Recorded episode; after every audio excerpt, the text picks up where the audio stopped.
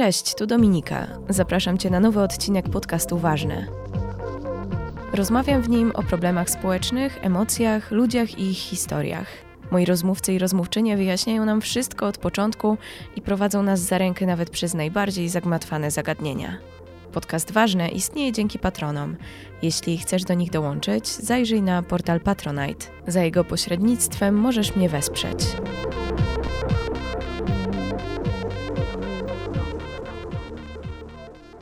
Czymś, co wzbudza we mnie bardzo wiele emocji, jest temat pracy. Z jednej strony w dzieciństwie słyszałam dużo przysłów w stylu bez pracy nie ma kołaczy. Tutaj na potrzeby tego wstępu nawet y, poszukałam sobie więcej takich przysłów i są niektóre dość y, brutalne i bezduszne. Na przykład y, kto się do pracy leni, nie wart jeść pieczeni. Bez pracy trudno dostąpić honoru. Człowiek do pracy stworzon, ptak do lotu. Aż mi się smutno zrobiło. Ale dobrze, wracając do pracy. E, z drugiej strony czytam na przykład Hamstwo Kacpra Pobłockiego i myślę sobie, hmm, może zażynanie się w robocie nie jest naszym przeznaczeniem, tak jak jest w tych przysłowiach, tylko w czyimś interesie jest to, żebyśmy pracowali coraz więcej i ponad siłę. Jedną z części układanki w tych moich rozkminach jest książka Poza czasem o potyczkach z codziennością Bożeny Kowalkowskiej. Bożena to dziennikarka, producentka i redaktorka. Uczy też różnych zdrowych rzeczy związanych z pracą, planowaniem i wolnym czasem. To tak bardzo, bardzo ogólnie. Mam tutaj przed sobą tę e, żółtą, ważną książkę. Przemówi ona pewnie zwłaszcza do szczególnej grupy osób, do freelancerów e, z być może niewielkim, ale wciąż zabezpieczeniem finansowym, które mają możliwość przesuwania jakichś klocków w swoim życiu. Bo nie wymagam tego od osoby, która pracuje dużo, zarabia mało, ale z racji na przykład wykluczenia komunikacyjnego nie może podjąć tu i teraz decyzji na przykład o zmianie pracy. Ale wracając do książki. Myślę, że wiele rzeczy, które Bożena w niej porusza, jest uniwersalnych. Na przykład taki fragment. Początek dotyczy lat 80. W tamtych czasach praca była wszystkim. Nic dziwnego, od tego, czy ktoś miał pracę, zależał byt całej rodziny, dach nad głową, wykształcenie, słowem godne życie. Prace i osoby ciężko pracujące darzono szczególnym szacunkiem i uznaniem, bo walczyły o lepsze jutro. Po drodze przeżyliśmy transformację, której efektem była fiksacja na punkcie pracy i zarabiania. Ale minęło 40 lat i rzeczywistość nie jest już taka sama. A jednak zasuwamy więcej i mocniej. Trochę z rozpędu, pamiętając o etosie pracy wpojonym przez środowisko, w którym dorastaliśmy, a trochę przez niebezpieczny skręt w postrzeganiu osób pracujących. Do niedawna wypadało być zajętym i niedostępnym. Dobrze wyglądało, jeśli miało się młyn lub kocioł w pracy, albo było się w amoku pracowym, Opowiadając, jak bardzo jest się zarobionym, zbierało się podziw i uznanie. Wtedy było się kimś. Być może do części z Was, tak jak do mnie, ten fragment bardzo przemawia, ale zbliżam się już do brzegu i zostawiam Was z Bożeną Kowalkowską. Miłego myślenia, zgadzania się, a może i nie zgadzania się, przede wszystkim kminienia na temat pracy.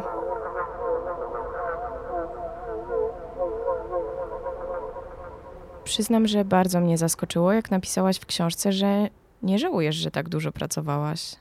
Oczywiście, mam takie momenty, żałuję jakichś drobnych sytuacji, kiedy przedkładałam pracę nad coś ważnego, albo byłam za bardzo zmęczona, żeby skorzystać z życia prywatnego.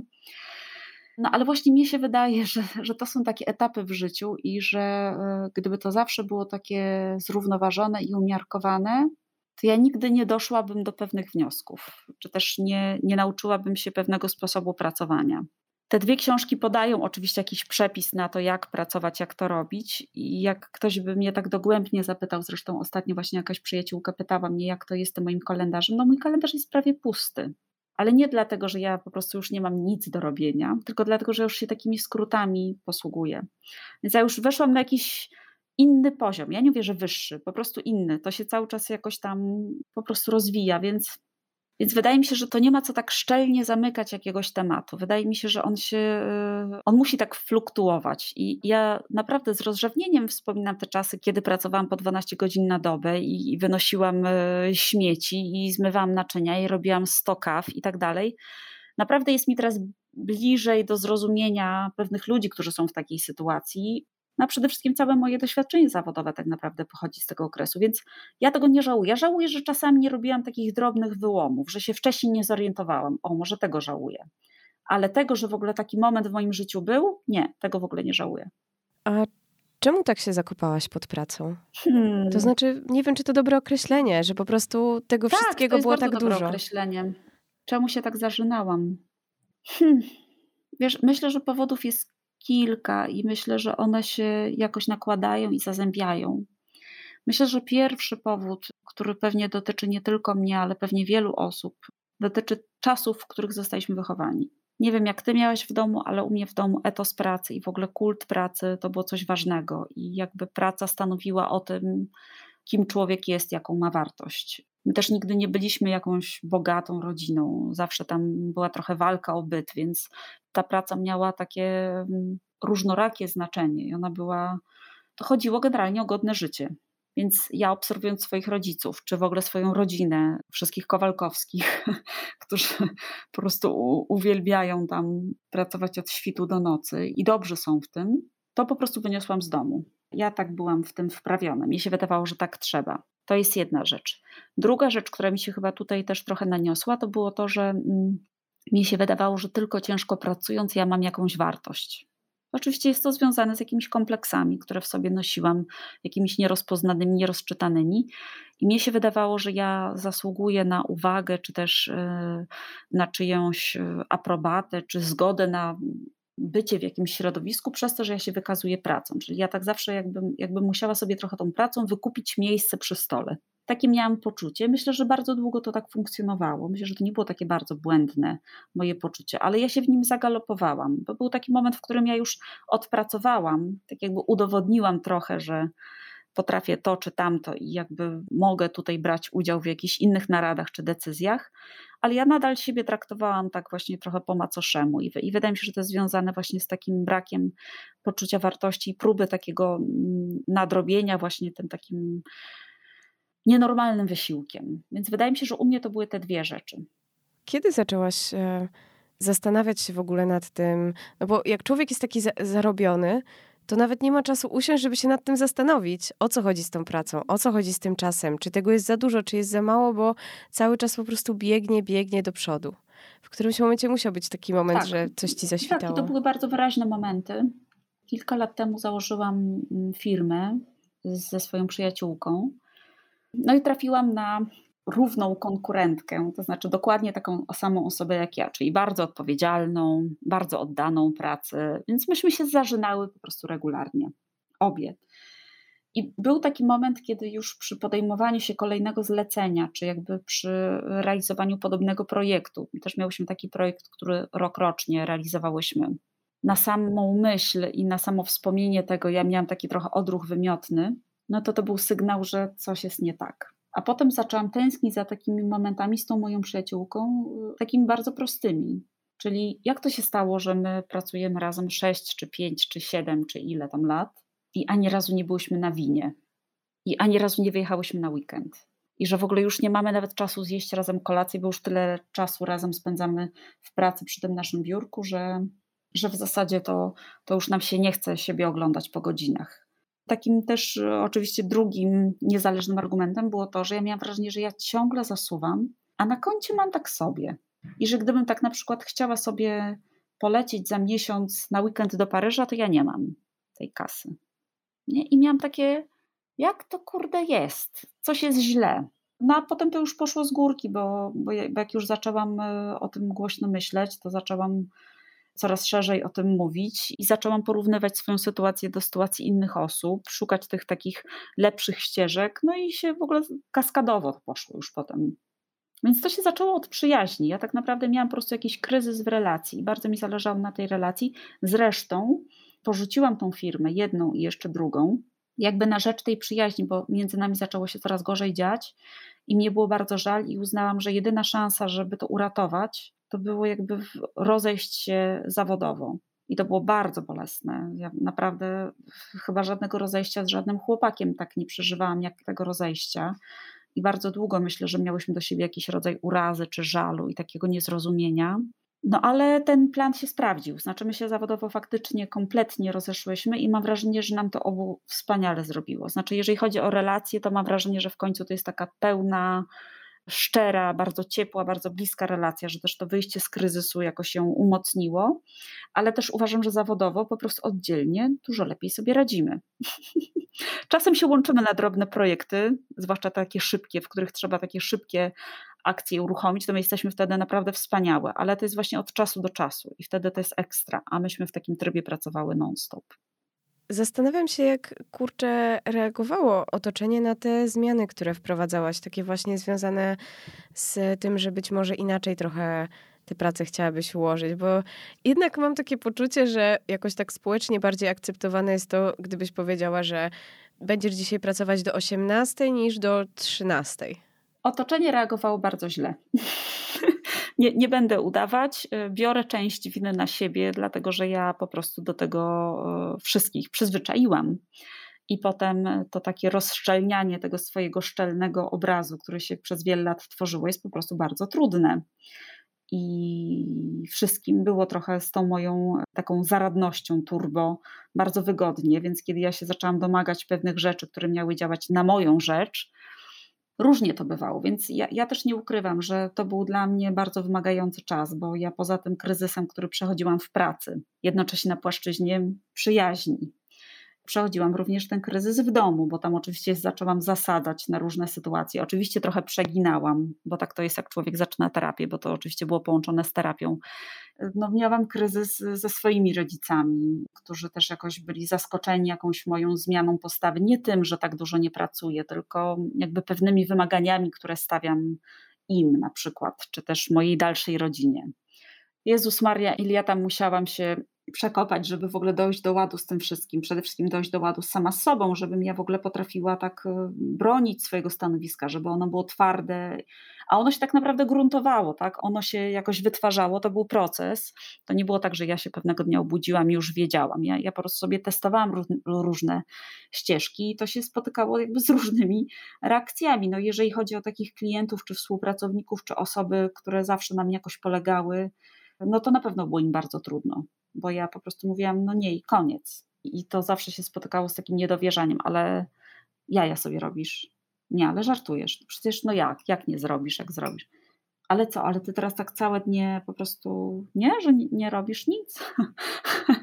Bo ja miałam taki moment, kiedy nawet nie chodzi o to, że nic nie robiłam. Ja po prostu postanowiłam być na macierzyńskim, przy drugim dziecku, przy moim synku, pełny rok i naprawdę nie brać żadnych projektów.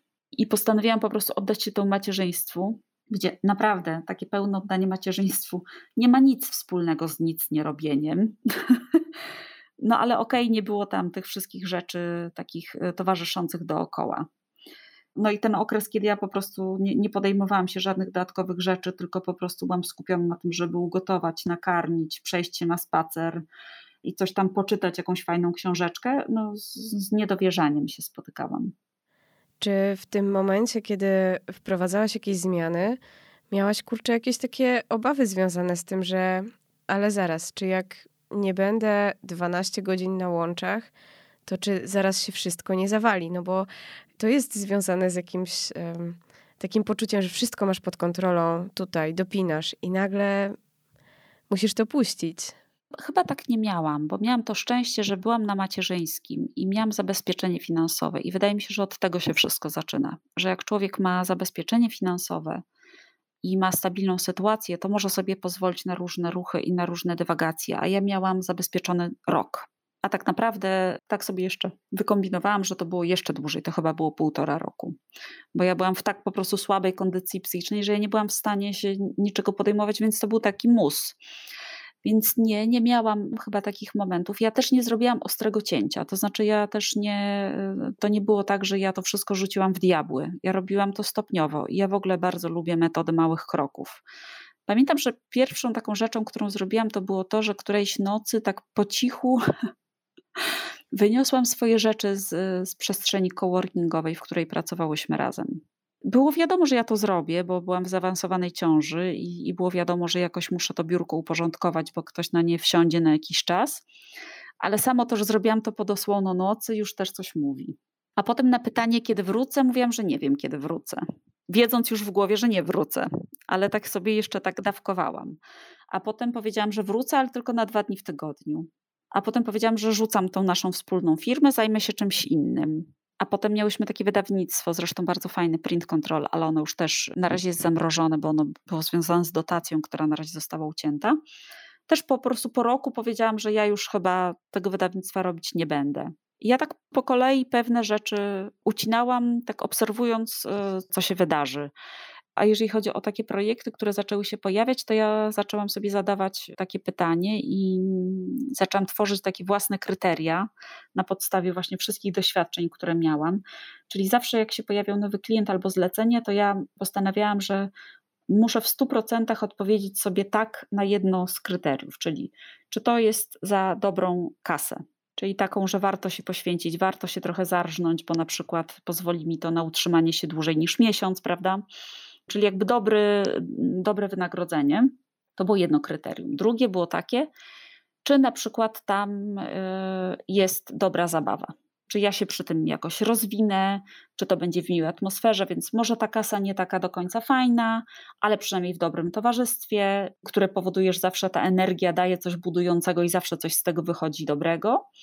Albo trzecie kryterium, czyli prestiż, czyli nawet jeżeli nie ma pieniędzy, nawet jeżeli nie ma fanu, to to powoduje, że moja wartość wiem, na rynku jakoś wzrasta, czy że ja mogę opowiadać o jakimś projekcie, w którym brałam udział, który był znaczący czy wartościowy i on mi prędzej czy później przyniesie profity, niekoniecznie finansowe, tylko na przykład związane z, z osobami, które przy okazji tego poznałam.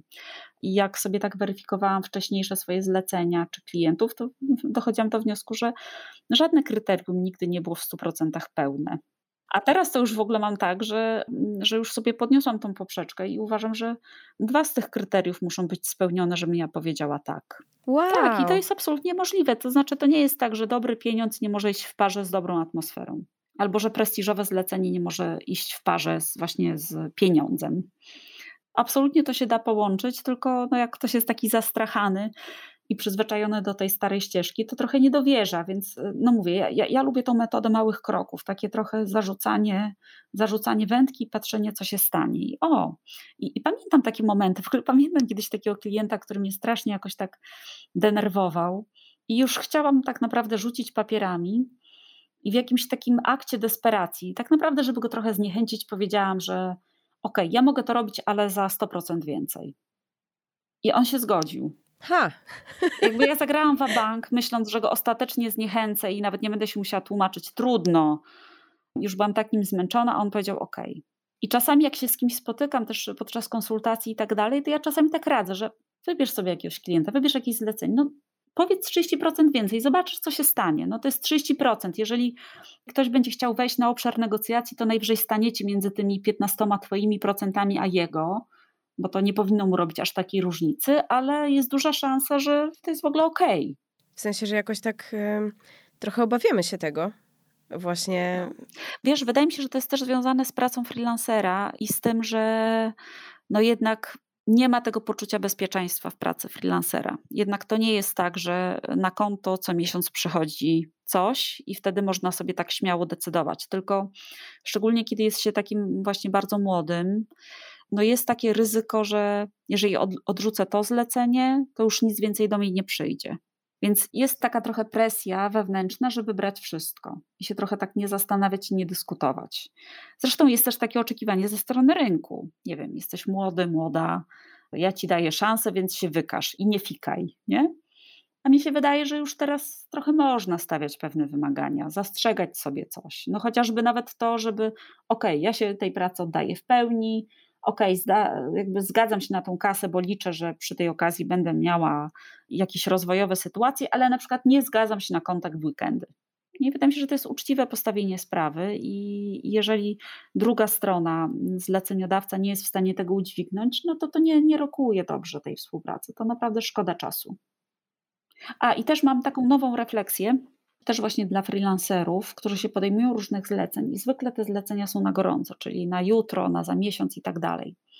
Ja wiele razy byłam w takiej sytuacji, w której rezerwowałam sobie czas i odmawiałam wszystkiego innego, bo byłam na takim stand-by'u dla tego klienta czy dla tego zlecenia. A potem się okazywało, że klient ma jeszcze inne sprawy, a tutaj to mu się coś przeciągnęło i tak dalej, i kończyliśmy to za pół roku. Ja kończyłam zawsze z takim poczuciem takiej przegranej, że tyle czasu na to poświęciłam, że tak naprawdę można to było zrobić w miesiąc, a zrobiliśmy w pół roku, że wyceniłam to jednak na miesiąc pracy, a nie na ten stand-by, w którym trochę tam odrzucałam różne rzeczy, nie?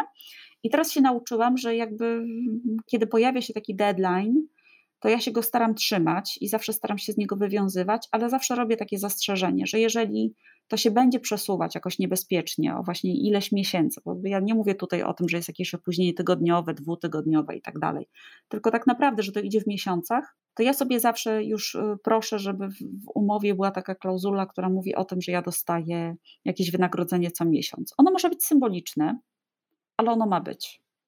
Ja wtedy się już nie frustruję, że coś jest przeciągane, a klient też z drugiej strony jakby ponosi też konsekwencje tego takiego alertowania mnie, a potem nie robienia niczego. No, no jeżeli stać go na takie przestoje, to ja nie mam z tym problemu. Możemy sobie to przeciągać w nieskończoność. Ale to mi się bardzo dobrze sprawdziło i to też troszeczkę pionizuje tą drugą stronę, która właśnie tak podchodzi czasem do tematu. A, to może potem, to może jutro. Podczas kiedy ja jestem na 100%, nie? Taka rada.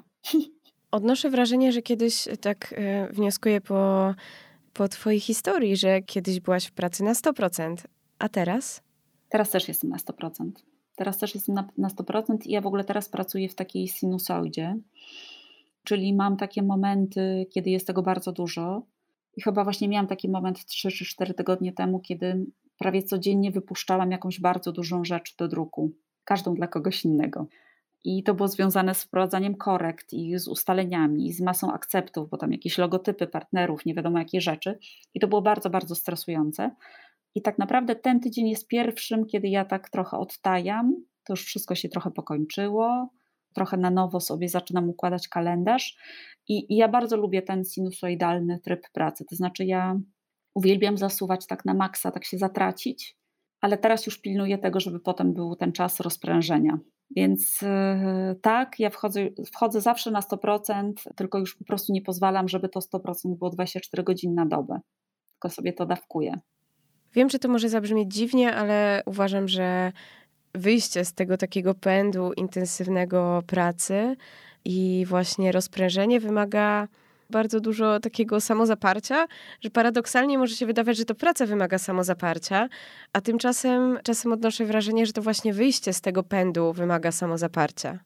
Nie, nie, to wy, wyhamowanie jest niezwykle trudne i to mówię ja, 40-letnia kobieta, która już nieraz to wyhamowanie stosowała. Obecnie jestem właśnie w trybie wyhamowywania i mam takie, tak mi się ciągle rączki kręcą, bo tak tak za mało się dzieje, bo jestem po prostu tak przyzwyczajona, żeby się dużo działo i muszę sama sobie powtarzać, że tak ma być, tak jest dobrze, tak się nabiera sił, tak się odpoczywa, po to, żeby potem znowu coś móc fajnie zrealizować, a nie na takim zgorzknieniu, że znowu coś. Więc nie, to jest bardzo trudne i myślę, że też, zwłaszcza to pokolenie, mówię, które się wychowało w tych czasach, w których ja, czyli że ta praca była taka ważna i z tym takim tłem tego etosu pracy i tym, że żyjemy w dużym mieście, w którym właśnie wypada być zajętym i wypada to wszystko robić.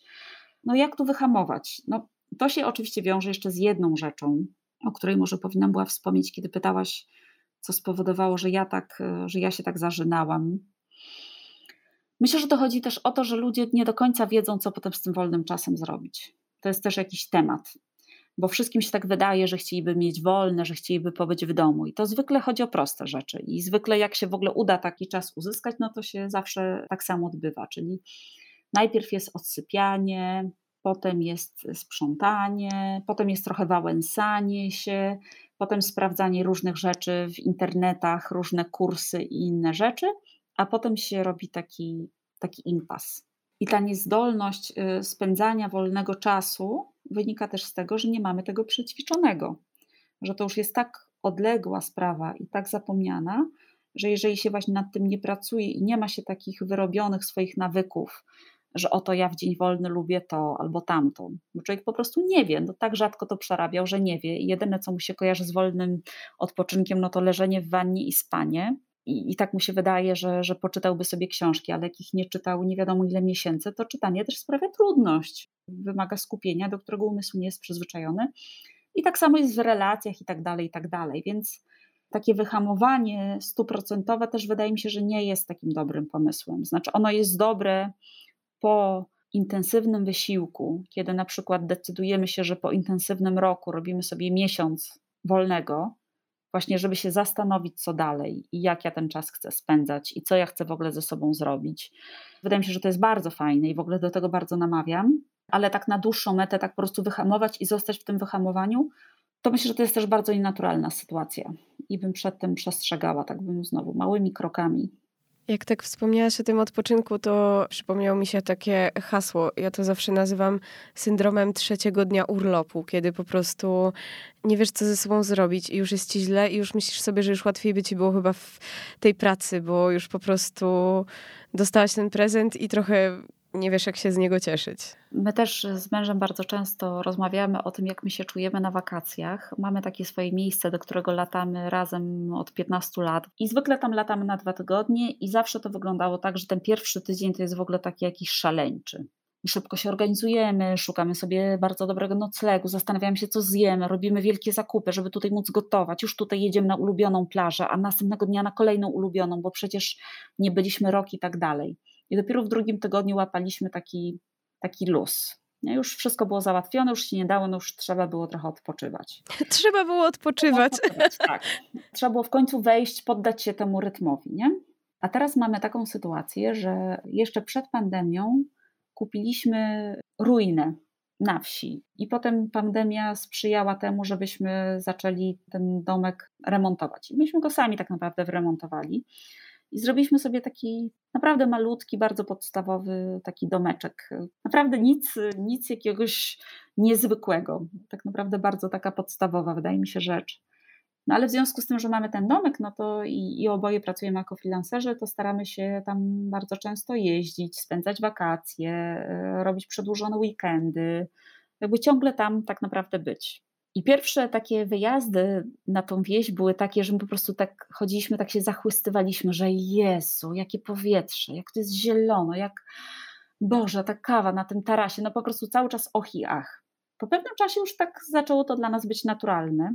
I najbardziej dotarło to do nas, jak w tym roku pojechaliśmy na tą naszą wyspę y, wakacyjną.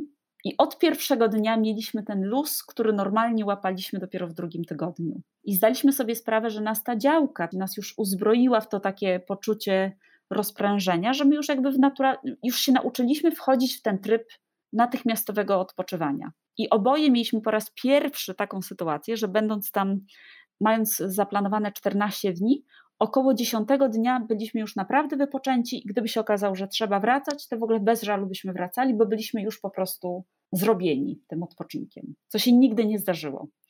Ta przydługa historia jakby opowiada o tym, jak bardzo długo człowiek wchodzi w pewne rytmy, jak bardzo długo nabiera pewnych nawyków, jak one w nim się tak trochę zasadzają i dopiero potem robi się z nich w zupełnie niespodziewanym momencie użytek. Ja to nawet mam takie momenty, że ojej, tak chciałabym jeszcze tak pychać, tak się zachłysnąć, że ja tak po prostu mogę, tak bez komputera gdzieś pochodzić, nie? To jest yy, po prostu no, syndrom odstawienia pracy, no. jednak ta pułapka, mm, czy ten wir, e, wir pracowy jednak jest czymś, e, do czego ja tak trochę nieustająco wracam. Ale myślę sobie też, ostatnia już dygresja, że to może też być związane z tym, że ja się akurat w swojej pracy naprawdę spełniam. I naprawdę już tak poprowadziłam swoje ścieżki, że ja nie mam w zasadzie takich momentów, że robię coś, co mi nie sprawia przyjemności więc też nie odczuwam tego przemęczenia, więc dla mnie to jest już takie urozmaicenie w życiu. Więc tak jak mówię, ja już trochę innego punktu na to patrzę. Mo może to dlatego mnie tak do tej pracy ciągle ciągnie. Jak tak powiedziałaś o tym urlopie yy, i tym wypoczęciu, to przypomniało mi się, jak właśnie często się słyszy, że ledwo co przyjechałam i już musiałam wyjeżdżać i nawet nie zdążyłam wypocząć. I to nie zdążyłam wypocząć, nie? To jest takie znamienne tutaj chyba. Tak, tak, bo wydaje mi się, że na urlopie też jest taka tendencja, że skoro już gdzieś człowiek jest, no to powinien dużo wychodzić wieczorami, dużo zwiedzać, e, rozmawiać, spotykać się i tak dalej, nie?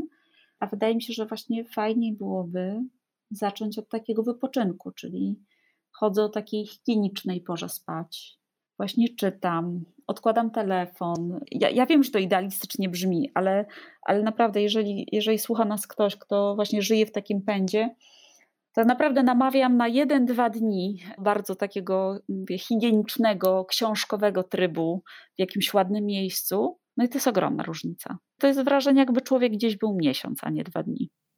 Właśnie a propos tego tematu bycia freelancerem, to pewne rzeczy, które mówisz i które, o których piszesz, są właśnie, wydają mi się takie charakterystyczne dla pracy freelancerskiej, ale zdałam sobie sprawę, że wiele rzeczy jest takich uniwersalnych. Na przykład zauważyłam, że masz tak naprawdę, znaczy może nie ty teraz, ale że te rzeczy, o których piszesz, mają na przykład dużo wspólnego z moim tatą, który mimo, że nie jest freelancerem, to cały czas znajduje sobie rzeczy do zrobienia, żeby tylko być zajętym i żeby po prostu być zarobionym, mimo że to jest jakieś, nie wiem, nie niekorzystne i że mimo tego, że jednak jakieś wątki w Twoich książkach są takie typowo związane z układaniem swoje, sobie czasu, kiedy jesteśmy na przykład freelancerami, to jest bardzo rzeczy takich uniwersalnych. Tak, starałam się.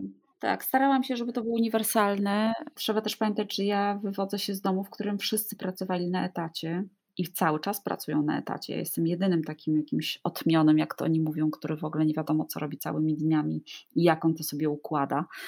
Więc ja taką pracę etatową sobie obserwowałam z boku. Tak, starałam się, żeby uniwersalnie, ale też nie uszukiwałam, że w związku z tym, że nie pracowałam nigdy od do, no to też, no szczerze mówiąc, nie mam o tym takiego pojęcia i nie będę udawała, że mam. Aczkolwiek starałam się, żeby pewne rzeczy, o których piszę, żeby jednak dawały taki impuls albo taką refleksję, czy też inspirację, żeby jednak nawet na tym etacie starać się pewne rzeczy zmieniać bo ośmielę się też powiedzieć, że etat etatowi nierówny. Że czasami te warunki pracy, czy sposób, w jaki szef się z nami komunikuje, czy właśnie ta taka wolność decydowania, jak się będzie układało dzień pracy, że się nie pracuje jednak jako robot, tylko można sobie pewne rzeczy układać. No wydaje mi się, że też jest ważne i że nawet jeżeli ktoś czuje się bezpiecznie, bardzo lubi ten typ pracy, taki właśnie od do, to może właśnie nie musi tego robić akurat w tej firmie, może to robić w innej firmie, gdzie panują zawsze inne zasady. I tak samo korporacja korporacji nierówna.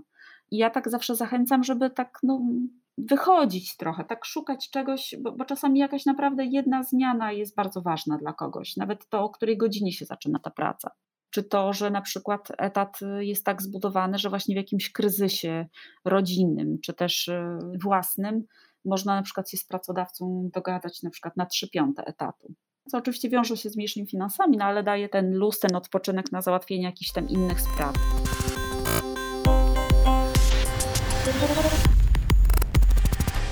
Bardzo często w ogóle dostaję takie pytanie, co to znaczy być zorganizowanym. I niektórzy mnie pytają, czy ja mam porządek taki w domu i tak dalej. Ja się zawsze trochę śmieję. No, ja mam względny porządek, ale to dlatego, że mam mało rzeczy, więc jak się ma mało rzeczy, to trudno jest mieć tak naprawdę bajzel ale y, te rzeczy wszystkie są w rozgardiaszu ja ogólnie nie postrzegam siebie jako taką turbo zorganizowaną osobę. I zawsze też na takie pytanie odpowiadam w taki sposób, że jeżeli byłoby tak, że osoba zorganizowana ma super porządek i nigdy się nie spóźnia i zawsze jest przygotowana, to ja też bym się w tej definicji nie znalazła.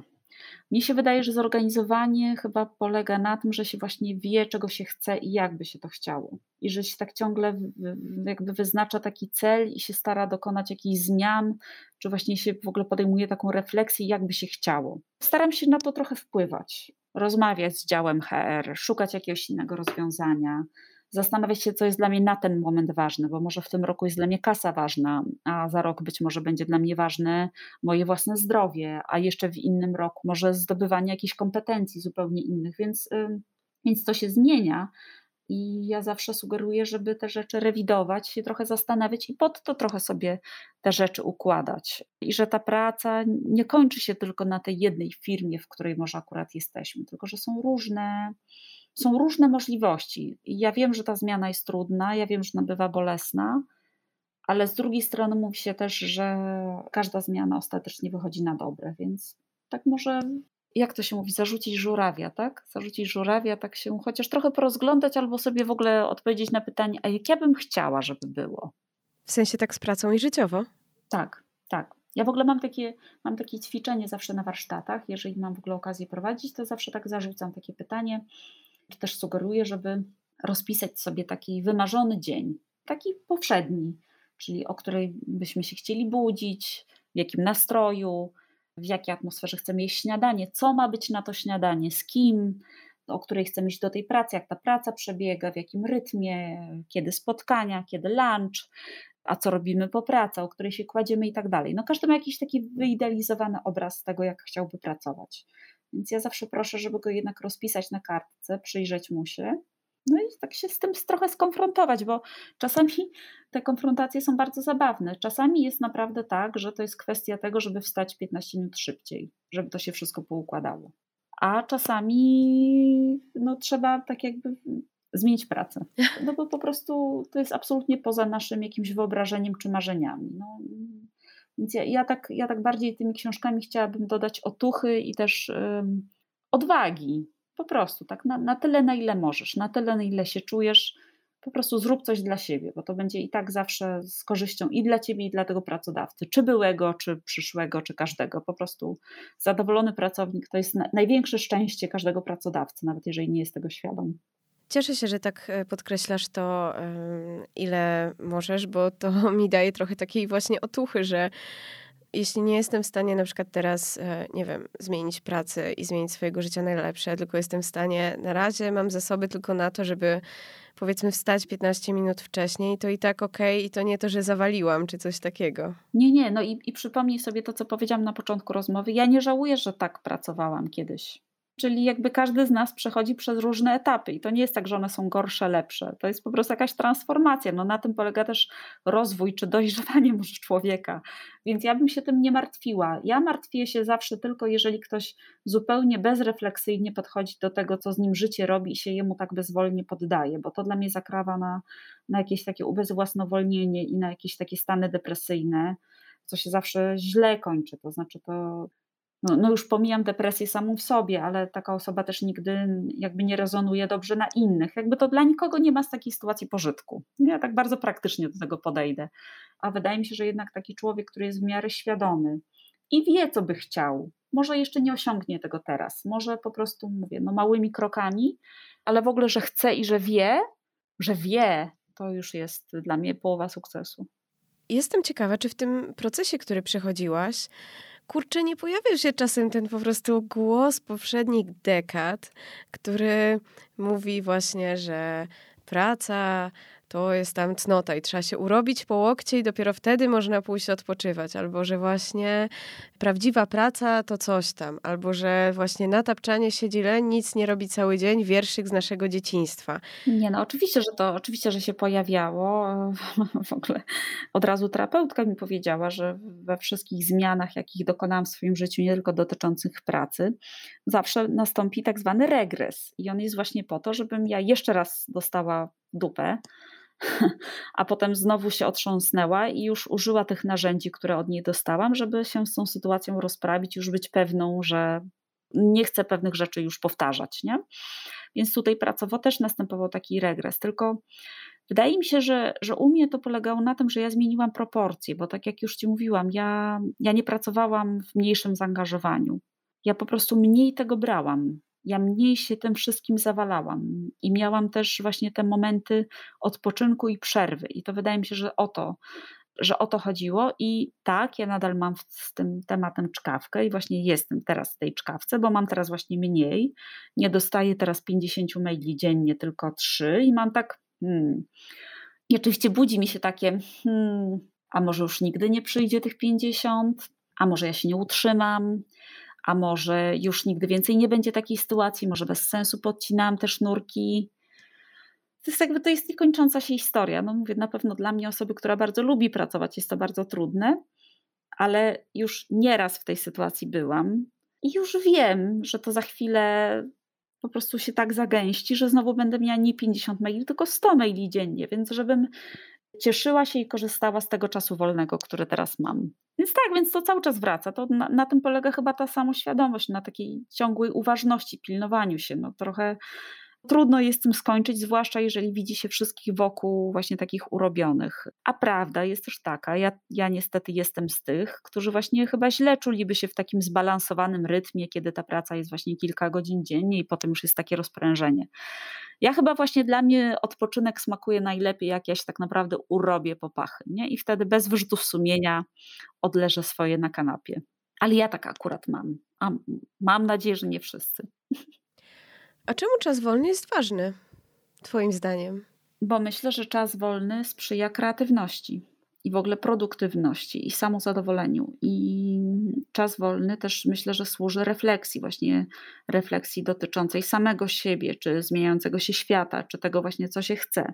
I wszystkie takie najlepsze pomysły, i kreatywne, i jakieś takie z, zmieniające coś, przychodzą człowiekowi w czasie wolnym w ogóle w czasie relaksu, czy w czasie takich niezobowiązujących rzeczy. Więc nawet jeżeli nie dla zdrowia takiego fizycznego robić sobie takie odpoczynki, to chociażby dla zwiększenia własnej takiej produktywności, czy jakiegoś takiego zdrowego, ciekawego osądu pewnych rzeczy. Chociaż przyznam, że słowo produktywność trochę mi się kojarzy z pracą jednak. Produktywność, efektywność.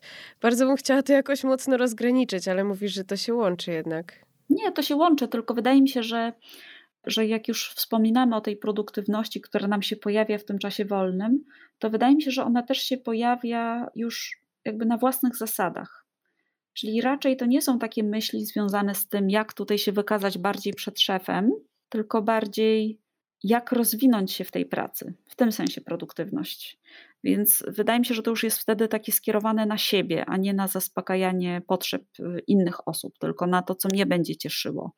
I czasami to w ogóle nie dotyczy bieżącej pracy, tylko dotyczy tego, że człowiek odkrywa jakąś swoją nową pasję i po godzinach zaczyna zajmować się czymś innym, a potem się okazuje, że z tego się robi jakiś wielki biznes i w ogóle jakaś świetna, szalona akcja, nie? Czy nawet nie wielka akcja, tylko coś po prostu, co nam przynosi frajdę. No mam taką przyjaciółkę, która po godzinach y, po etatowej pracy produkuje z siostrą mydła. No i to jest w ogóle źródło absolutnej radości i szczęścia i w ogóle odkrywania e, całej tej natury i, i zupełnie innego postrzegania pór roku i tego, gdzie pojechać, żeby zdobyć to, a jak doskonalić tą recepturę. One to robią autentycznie dla przyjemności.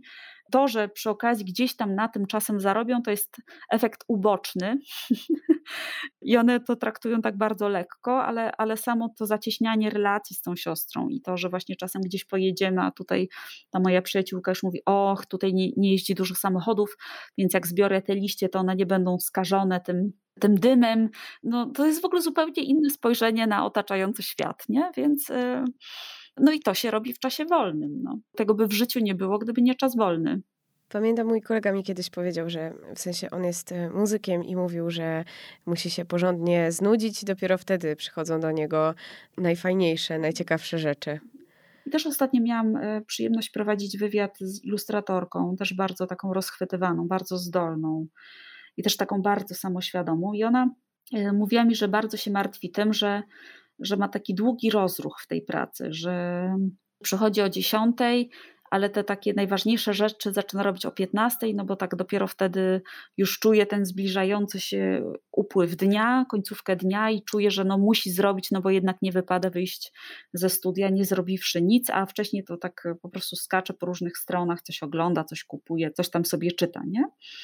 mnie się wydaje, że, że nie ma w tym nic złego. To znaczy, wydaje mi się, że ona, jako artystka, akurat po prostu potrzebuje tych inspiracji, tego właśnie takiego rozluźniania tego umysłu, tego czytania, tego karmienia się różnymi historiami, właśnie po to, żeby potem w tej końcówce dnia, być może w te pół godziny, zrobić to, co wydawałoby się jej, że mogłaby robić cały dzień.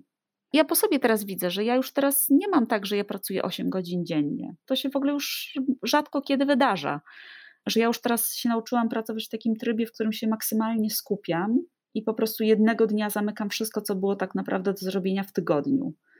Ale wydaje mi się, że to, co się ze mną dzieje w tych dniach poprzedzających, to jest właśnie to takie układanie się z tym, czy też przygotowywanie gruntu.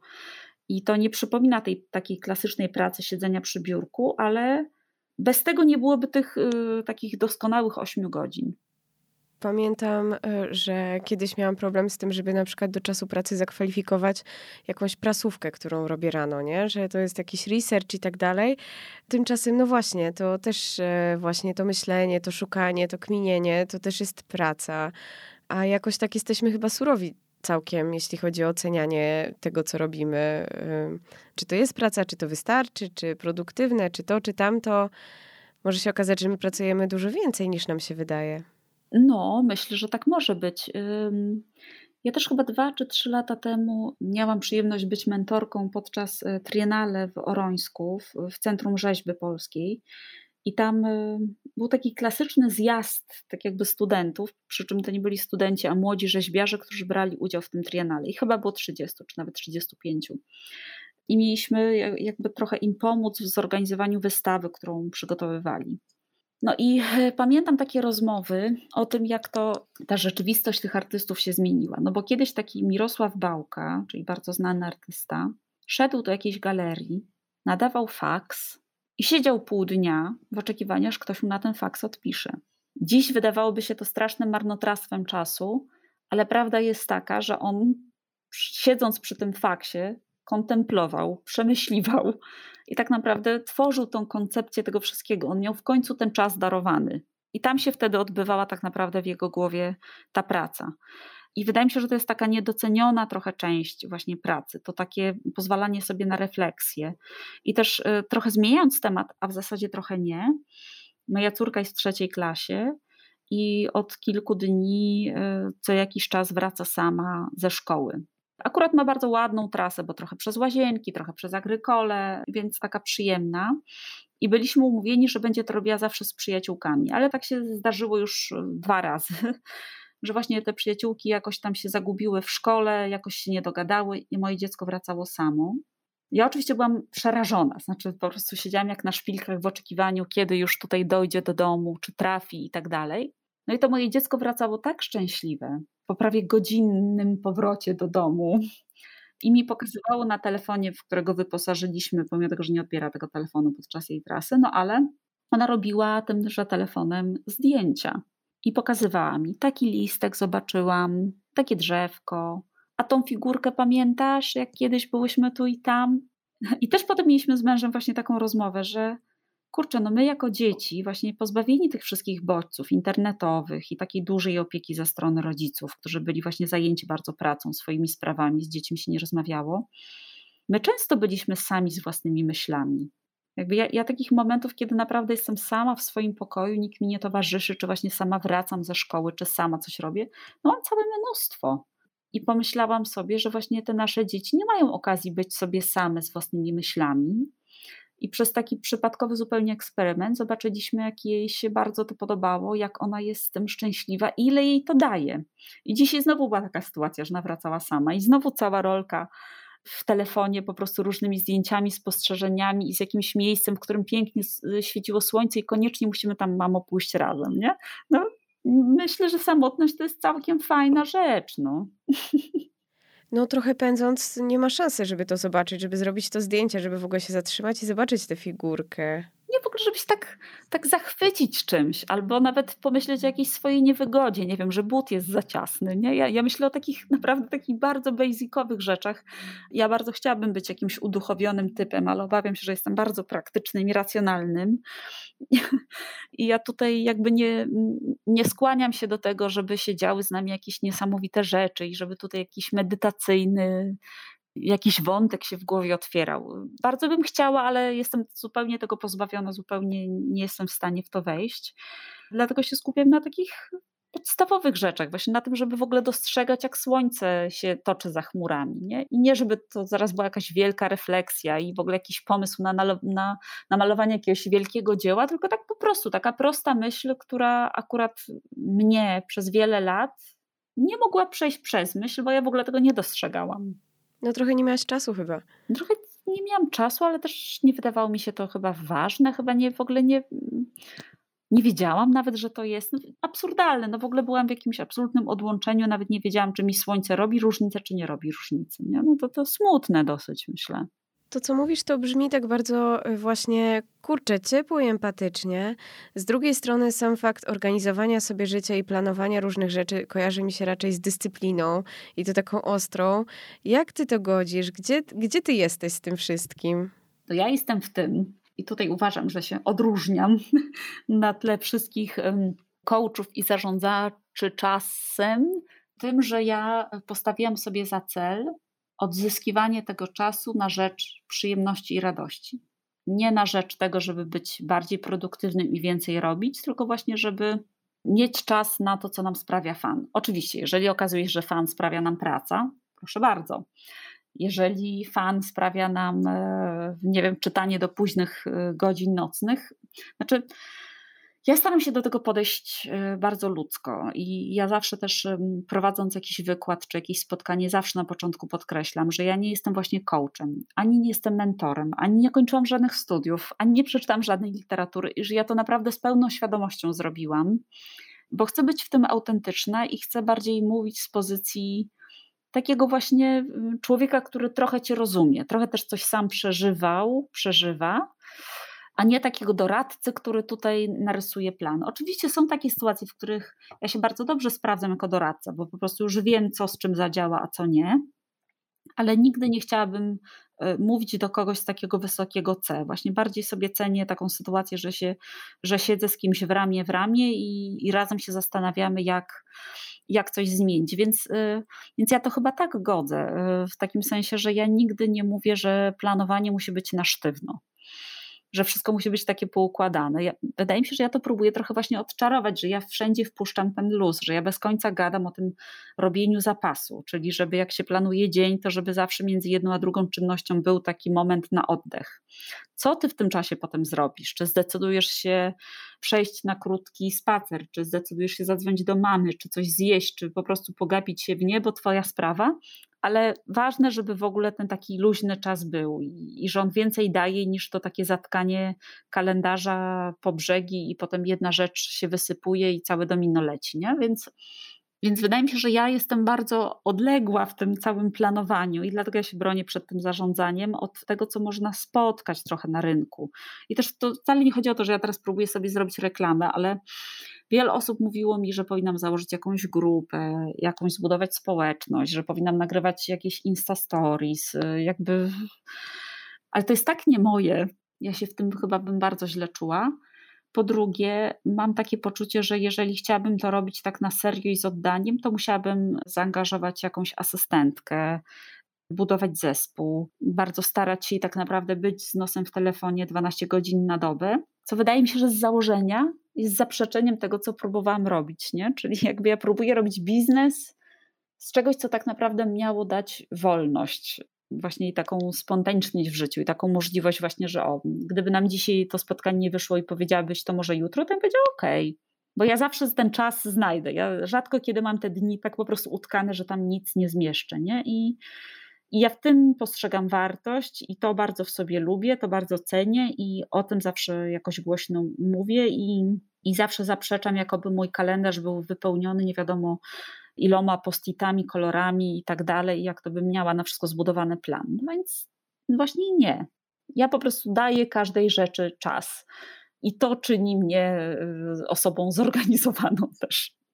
No, powiem ci, że gdyby się okazało, że dzisiaj się jednak nie spotykamy, to przyzwyczajona jestem tak bardzo do takiej sytuacji, że wiesz, mój kalendarz jest wypełniony po brzegi, mojej rozmówczyni czy rozmówcy też po brzegi i kolejny termin to się w ogóle okazuje za miesiąc. I, i zupełnie mnie to zaskoczyło, co powiedziałaś. Wiem, wiem I, i zawsze słyszę to zaskoczenie, kiedy ktoś do mnie dzwoni, pisze o konsultację albo właśnie chciałby się spotkać i pyta mnie, czy ja w przyszłym miesiącu to jakoś znajdę czas, a ja zawsze na to piszę, no a może jutro, a może pojutrze, a może i zawsze jest taka konsternacja, że jak to? nie wiem, chyba się wszystkim wydaje, że ja jestem taka właśnie zarobiona, taka poukładana i tak dalej. No, ja sobie zawsze te kafelki tak przesuwam. Ja czasami mam ten dzień wypełniony, ale jeżeli coś wpada nagłego, to ja zawsze jakiś kafelek właśnie mogę przesunąć inaczej i zrobić ten czas. No chyba, że nie mogę, no bo oczywiście to też y, nie jest zawsze tak fantastycznie i tak różowo, ale tak, ja, ja, ja generalnie nie mam dalekosiężnych planów. Ja naprawdę planuję na tydzień do przodu. Mam takie bardziej ogólne takie założenia, jak na przykład, że w październiku muszę iść do okulista, moje dzieci muszą iść na przegląd uzębienia. To są jakieś moje plany takie większe na październik, ale ja generalnie jestem raczej w takim trybie tygodniowym, więc ja wiem, co się wydarzy w przyszłym tygodniu, o co powinnam zadbać, ale nie, nie wychodzę jakby dalej skupiam się na tym, po prostu oddaję się jakby temu czasowi i po kolei realizuję te rzeczy i, i tak sobie powoli ten kalendarz po prostu wypełniam. Czemu Twoim zdaniem mamy tak wypchane te kalendarze? Tak bardzo mało nam kasy, czy po prostu nie umiemy się z nimi, z tym swoim czasem obchodzić, nie cenimy go? Jak, jakie w ogóle masz obserwacje? No, oczywiście wątek finansowy jest bardzo ważny. Ja tutaj też zawsze namawiam, żeby jednak zrewidować, ile czasu się spędza w pracy, a ile się za to dostaje pieniędzy, bo to czasami zupełnie nie ma sensu ale myślę, że to jest po prostu efekt e, życia w tych czasach, w których żyjemy, czyli tego, że tych bodźców jest tak dużo. No, ja uwielbiam social media w takim sensie, że uwielbiam je przeglądać. Mam kilka wartościowych kont, e, które codziennie staram się do nich zaglądać na Instagramie. Obserwuję różne organizacje na Facebooku. I staram się codziennie zrobić taką prasówkę. Mam jakieś swoje też strony e, z informacjami bieżącymi. Kurczę, ale po prostu przejście przez to wszystko no zajmuje mi godzinę, czasem dwie dziennie i nigdy nie jest tak, że ja będę na bieżąco. A ja te rzeczy mam jakoś tak świadomie wybrane, wyselekcjonowane. Ja mówię, ja się cały czas pilnuję, ja cały czas muszę sobie tak trochę się jednak pilnować, bo mam, mam pewne tendencje właśnie do przesady i jak już wejdę w to czytanie różnych artykułów, to nie mogę przestać i tak dalej, więc bardzo trudno jest sobie, żyjąc w takim świecie pełnym bodźców, informacji, newsów, nowych filmów, nowych książek, pojawiających się znajomych, nie brać w tym udziału. Nie? I tak powiedzieć, no nie, bo to będzie za dużo. Trudne to jest. Dlatego bardzo często, zresztą w moim przypadku też tak to było, bardzo często tym sygnałem, który powoduje, że trzeba jednak trochę wyhamować, jest, jest zdrowie, jest organizm, który daje sygnał, że no już dalej nie ujedziesz. Nie? Zresztą ja te sytuacje zdrowotne zawsze lubię też przywoływać, bo wiele razy podczas właśnie jakiejś takiej bardzo wytężonej, już trochę chorej pracy, moim zdaniem, Zdarzało się na przykład tak, że ja łapałam na przykład grypę żołądkową, co oznaczało, że trzy dni w ogóle zwracam, a kolejne trzy w ogóle dochodzę do siebie po tej akcji, nie? No i to się bardzo często wydarzało, czy też angina, czy jakieś inne historie. To się często wydarzało właśnie w momencie, na przykład, jak ja zamykałam jakiś magazyn, czyli oddawałam rzeczy do druku, i, a ponieważ byłam tą osobą, która spina wszystko, no to wydawałoby się, że to w ogóle się nie uda. Zawsze się udawało. Jakby nigdy nie było tak, że z powodu mojej choroby coś nie poszło. I zawsze jakoś zespół dawał sobie radę, i zawsze jakoś to się wszystko składało. Albo jak w jakimś wytężonym e, okresie pracy miałam jakiś projekt na miesiąc i w pierwszym tygodniu zachorowałam, i wydawało mi się, że mam już teraz tylko trzy tygodnie i nie zdążę.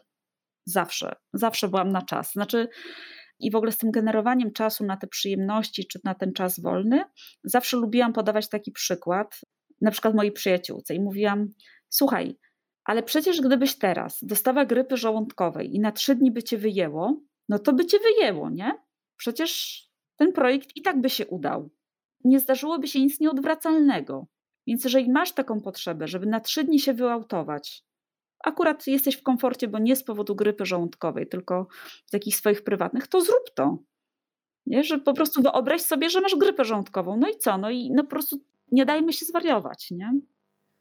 Wow, to brzmi tak rewolucyjnie, wiesz? W sensie, że. Naprawdę? Tak, tak. To, co mówisz, ja absolutnie się z tym zgadzam, ale mam poczucie, że w dzisiejszych czasach jest to właśnie takie rewolucyjne. Może, wiesz, ja po prostu miałam wiele razy sytuacje podbramkowe. Mam taką przyjaciółkę, która zawsze mówi, że jak się coś komuś może przytrafić, to się zawsze przytrafia mnie. I że ja mam na swoim koncie, w ogóle jeżeli chodzi o takie medyczne historie, to naprawdę chyba nie ma takiego obszaru, z którym którym nie miałabym czegoś do powiedzenia, ale ja również przez cały czas swojej pracy, który trwa już właśnie też 17 lat, cztery razy miałam sytuację, kiedy po prostu komputer odmówił posłuszeństwa i miałam taki tylko blank. Tych czterech przypadkach nigdy nie udało mi się odzyskać danych. Zawsze to się działo w jakimś kluczowym, najważniejszym momencie jakiegoś projektu, kiedy już za dwa dni druk, a ja tutaj. I ja za każdym razem byłam po prostu w absolutnym przerażeniu i w takim w ogóle Jezus Maria, co to będzie. No więc nic się takiego nie wydarzyło. Za każdym razem jakoś udawało się odzyskać te informacje, pożyczyć y, ten komputer, dokończyć ten projekt, może trochę bardziej koślawo, może, może w jakimś dyskomforcie, ale jednak zawsze. Ja tych przypadków tyle zaliczyłam, że ja już teraz wiem, że nawet właśnie jak się coś takiego złego dzieje, to mam takie, dobra, byłam już w tym punkcie. No wyszłam z tego obroną ręką, no wyszłam, znaczy teraz też wyjdę, no dobra, no, No, no, może nie jest to mi na rękę, może nie jestem super zadowolona, ale no serio, naprawdę świat się nie zawali, nie? Więc może mi jest łatwo jakby z takim podejściem wychodzić, bo mi się po prostu bardzo dużo różnych rzeczy wydarzało, ale, ale lubię też tak używać takiej metafory, czyli jak na przykład namawiam kogoś, żeby sobie w kalendarzu ustawił właśnie to spotkanie z przyjacielem, czy z przyjaciółką, czy właśnie coś, jakiś fajny masaż, czy coś, co nam sprawia przyjemność. W ogóle, żeby przede wszystkim ustawić to jako pierwsze w kalendarzu, dopiero potem zapełniać ten kalendarz obowiązkami, bo inaczej nigdy nie starczy miejsca, i żeby tą przyjemność traktować priorytetowo. Ja też zawsze używam właśnie takiej metafory, że trzeba sobie wyobrazić, że, że to jest wizyta u jakiegoś lekarza specjalisty, na przykład jakiegoś laryngologa, na którą się czeka 4 miesiące.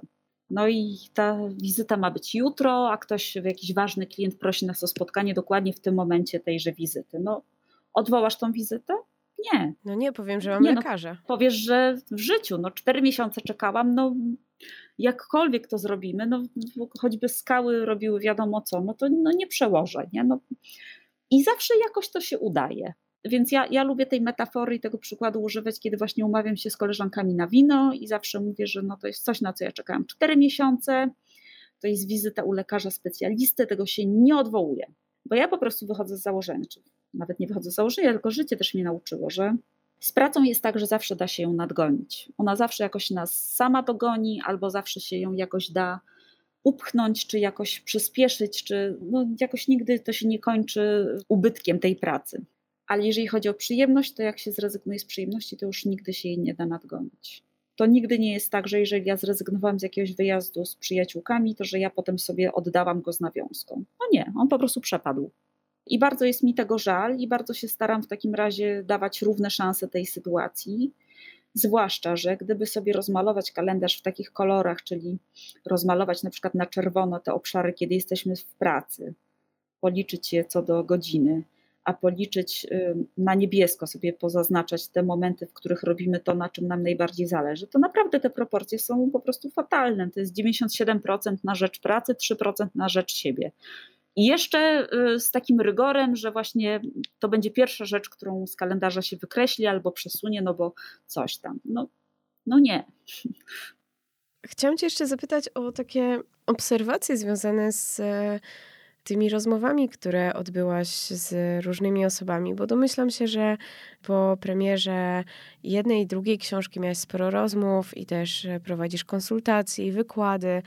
I teraz byliśmy tutaj wokół tego wątku odpoczynku, że nie traktujemy go priorytetowo.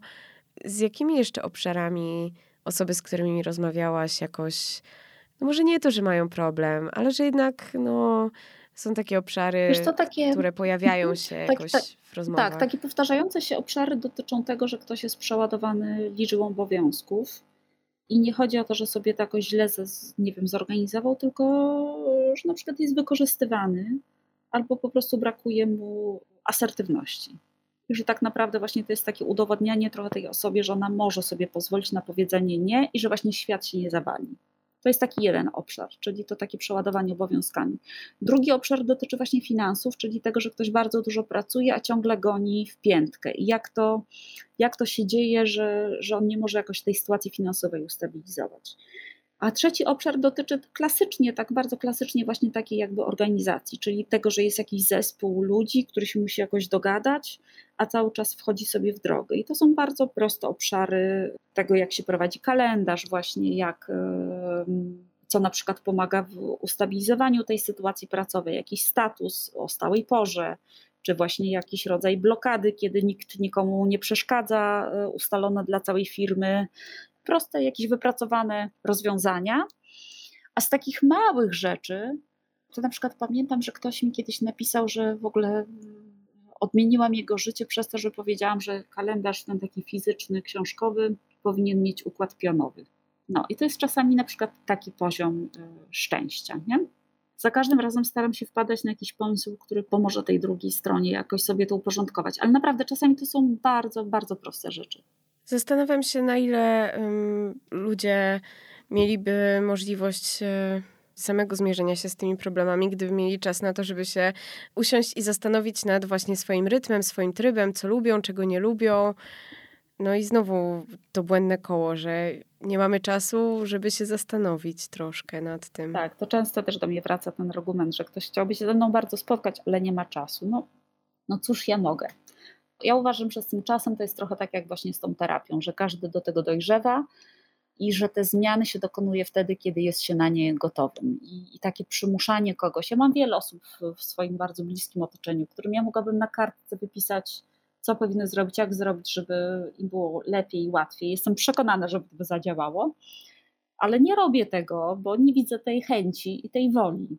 No komuś jest dobrze z tym, jak mu jest, nawet w tym narzekaniu jest mu dobrze, więc yy, mnie się wydaje, że dopóki ktoś nie poczuje takiej potrzeby i nie zacznie szukać odpowiedzi, to ja nie mam co się z tym naprawdę wyrywać, bo każdy to robi w swoim tempie. Ale też mam taką refleksję, że na spotkania ze mną przychodzą jednak osoby zwykle które myślą, że są bardzo niezorganizowane, a ostatecznie są bardzo zorganizowane. Tylko zwykle właśnie wzięły na siebie za dużo obowiązków. Nie?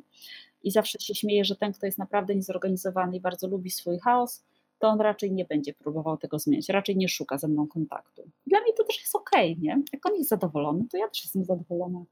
Ja, ja, nie mam potrzeby zmieniania całego świata. Mnie się, mnie się wydaje, że ta różnorodność y, podejść, właśnie tego trybu pracy, tego stosunku do pracy i tego, że to się tak e, w życiu jednego człowieka potrafi zmieniać, to wydaje mi się, że to jest bardzo interesujące i to powoduje, że ten świat nie jest nudny. I to jest podobnie jak z tym, że no nie wszyscy mogą i chcą być szefami. Nie? Niektórzy bardzo dobrze czują się w swoich jakichś takich bardzo rutynowych obowiązkach. Ja też przez pewien moment, przez półtora roku pracowałam dla redakcji portalu parentingowego, gdzie kończyłyśmy pracę o 15 i to była dla mnie po prostu po różnych doświadczeniach bardzo prosta w jakimś sensie praca i taka w ogóle niestresująca, bo nawet jeżeli popełniłam błąd, to nie był to błąd, który się wydrukuje, tylko mogłam wejść w system i to zamienić. A ponieważ y, wszyscy w tej redakcji to były kobiety i do, w dodatku mamy, no więc nikt mnie lepiej nie rozumiał, jak one, kiedy mówiłam, że dzisiaj nie mogę przyjść, bo coś tam, nie? I to był bardzo bezpieczny, bardzo fajny okres, kiedy ja właśnie mogłam tak na spokojnie wracać do pracy, się rozglądać, a jednocześnie praca nie grała wtedy pierwszych skrzypiec. No ale po półtora roku już, już, już zaczęłam czuć to ssanie, tą potrzebę, żeby coś więcej, coś inaczej. I poszłam dalej, nie? Ale tak jak mówię, no to są różne etapy w życiu. Ja nie chciałabym im Y, jakoś tam przeczyć. No więc wydaje mi się, że to nie ma się co tak e, samobiczować. No wszyscy jesteśmy tacy sami, wszyscy tak samo lubimy odkładać, wszyscy tak samo nie dowozimy, wszyscy tak samo się czasem spóźniamy, albo ro lubimy robić różne rzeczy, albo nie lubimy. No, każdy ma inne predyspozycje. Każdy gdzieś tam się wpasowuje swoje miejsce. No tutaj po prostu wracam do tego wątku, że nie każdy musi być, nie każdy chce być jakimś prezesem.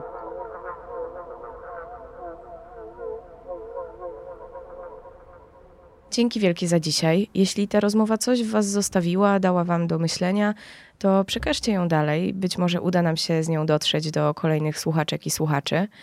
Dajcie też znać, co Wy na to. Zgadzacie się z Bożeną, a może wcale? Może to, co powiedziała, jest dla Was jakimś niesamowitym odkryciem, albo już wcześniej to wszystko wiedzieliście, wiedziałyście. Czekam na Wasze wiadomości i komentarze w mediach społecznościowych podcastu Ważne. Do usłyszenia.